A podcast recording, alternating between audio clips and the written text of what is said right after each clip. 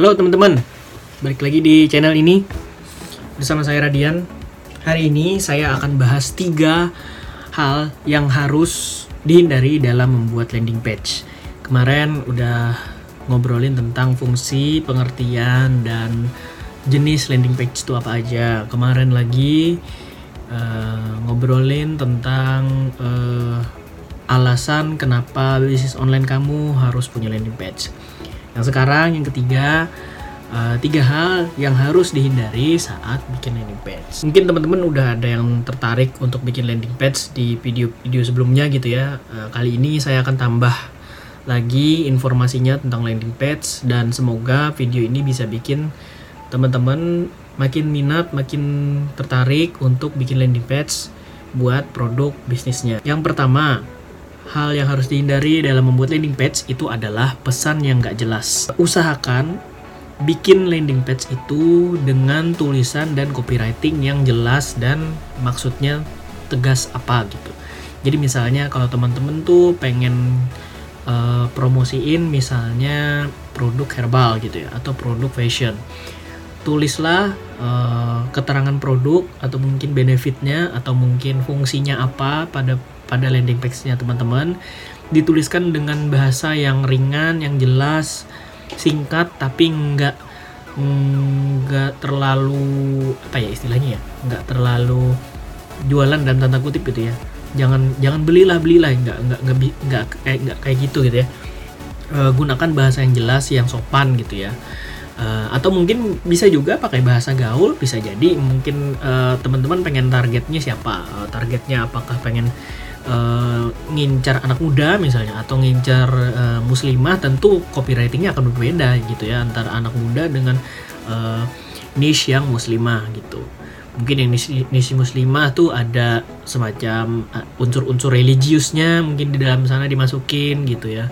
Yang anak muda mungkin lebih gaul bahasanya yang lebih lebih non formal gayanya gitu. Bisa uh, tuliskan pesan-pesan yang jelas di landing page kita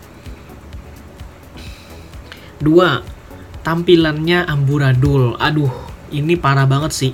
Kalau misalnya teman-teman bikin landing page, usahakan punya desain atau setidaknya tampilannya yang sederhana dulu. Nggak apa-apa, nggak usah banyak macemnya, nggak usah banyak hiasannya gitu ya. Yang penting tulisannya jelas, infonya dapet, dan buyer itu e, nangkep e, apa yang akan kita promosikan gitu ya. Jadi nggak uh, perlu yang ribet-ribet kalau landing page itu menurut saya karena uh, fungsi utama landing page itu adalah bikin calon buyer tuh fokus bukan bagus-bagusan landing page bukan.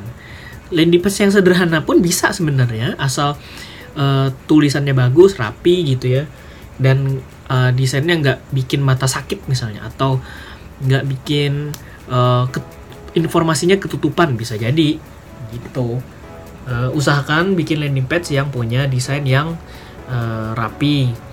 Yang sederhana boleh yang mau yang kompleks juga boleh asal di tes itu uh, lancar gitu loadingnya lancar terus gambarnya yang dibuka lancar gitu ya. Pastikan itu dulu sebelum dipromosikan gitu ya. Yang ketiga CTA tahu CTA kan? Klik to action tombol CTA yang diabaikan sama calon bayar. Aduh ini parah banget sih karena tujuan landing page adalah mengkonversi sebuah um, sebuah uh, traffic menjadi leads maka mau tidak mau harus ada ada tombol CTA cuma satu tombol CTA-nya teman-teman. Uh, kalau teman-teman pernah nonton video-video lain yang ngomong ngomongin tentang landing page pasti sudah tahu bahwa sebuah landing page itu uh, disarankan untuk cuma punya satu call to action, tombol call to action gitu ya. Karena kalau misalnya ada dua atau tiga tombol call to action nanti orang-orang e, calon bayarnya pada bingung gitu ya. Kenapa harus banyak tombol sementara gue cuma pengen satu gitu. Gue kan cuma pengen beli, nggak pengen lihat IG lu apa, nggak pengen lihat Tokopedia lu apa. Nanti gue bisa minta waktu gue chat misalnya kayak gitu. Jadi kalau di landing page menurut saya cuma satu tombol CTA dan harus e, letaknya terlihat oleh calon buyer. Ini biasanya kesalahan yang paling umum nih.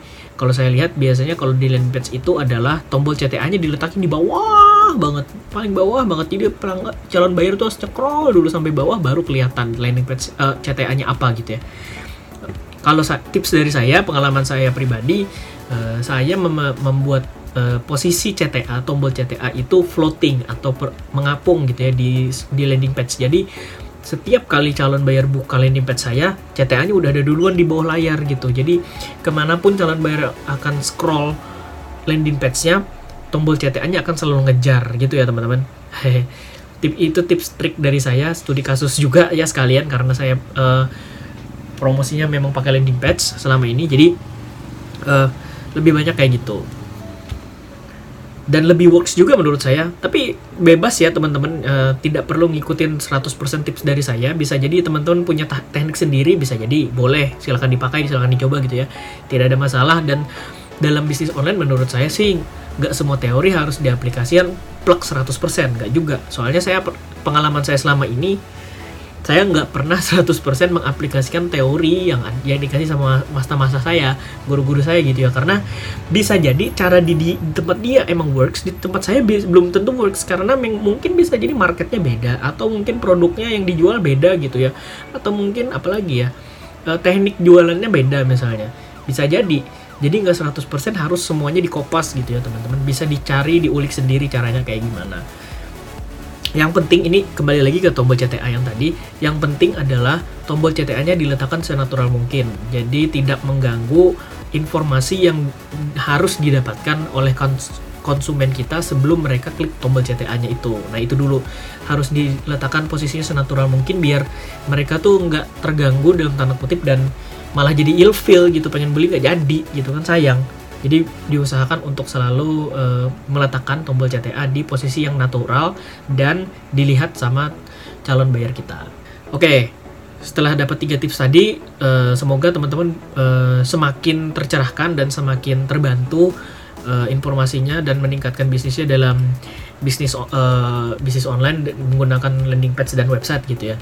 Kalau teman-teman uh, pengen belajar lebih dalam tentang pembuatan landing page itu kayak gimana, saya merekomendasikan mentoring online yang bernama Landing Page Mastery. Jadi Landing Page Mastery itu adalah sebuah mentoring online e-course gitu ya ten tentang pembuatan landing page dari nol banget sampai menghasilkan sebuah landing page yang cepat, singkat, padat dan berkonversi tinggi. E, gimana cara daftarnya? Nanti akan saya kasih tahu di pinned komen, silahkan dicek aja atau nanti ada di sini di bawah nanti ada tulisannya uh, link apa yang harus dikunjungi silahkan diketik aja langsung di browsernya masing-masing gitu ya. Namanya landing page mastery. Nah untuk saat ini sekarang ada diskon 50% dalam periode grand launchingnya. Kalau teman-teman tertarik untuk ikutan daftar mentoring ini dengan menggunakan link saya maka teman-teman akan mendapatkan bonus tambahan dari saya. Selain bonus tambahan yang sudah ada di halaman landing page mastery akan dapat tambahan bonus dari saya yaitu uh, konsultasi gratis riset target market yang sesuai dengan produk teman-teman. Nah, jadi saya akan bantu teman-teman meriset gitu ya. Nggak saya mikir doang, tapi teman-teman juga mikir gitu ya. Saya akan bantu kasih insight, kasih kasih petunjuk, kasih cara risetnya kayak gimana gitu ya. Kalau teman-teman masih kesusahan selama ini nyari nyari target marketnya kayak gimana, saya akan bantu insya Allah. Asal teman-teman apa daftar landing page mastery menggunakan link yang yang saya kasih tahu tadi atau pakai kupon diskon 50% dengan kodenya The Mastah. Caps lock semuanya huruf besar ya. Oke, segitu dulu video ini. Per satu pertanyaan terakhir buat teman-teman. Apa insight yang teman-teman dapatkan dari video ini? Silahkan tulis di kolom komentar. Uh, nanti akan saya baca, nanti akan saya bantu juga nguliknya kalau masih belum dapat apa gitu ya. Tulis aja di kolom komentar. Kita belajar sama-sama, kita diskusi sama-sama, oke? Okay? Terima kasih banyak sudah nonton. Jangan lupa di like, comment, share, dan subscribe channel ini biar selalu dapat notifikasi video-video baru tentang bisnis online dan digital marketing. Terima kasih sudah nonton. Dadah.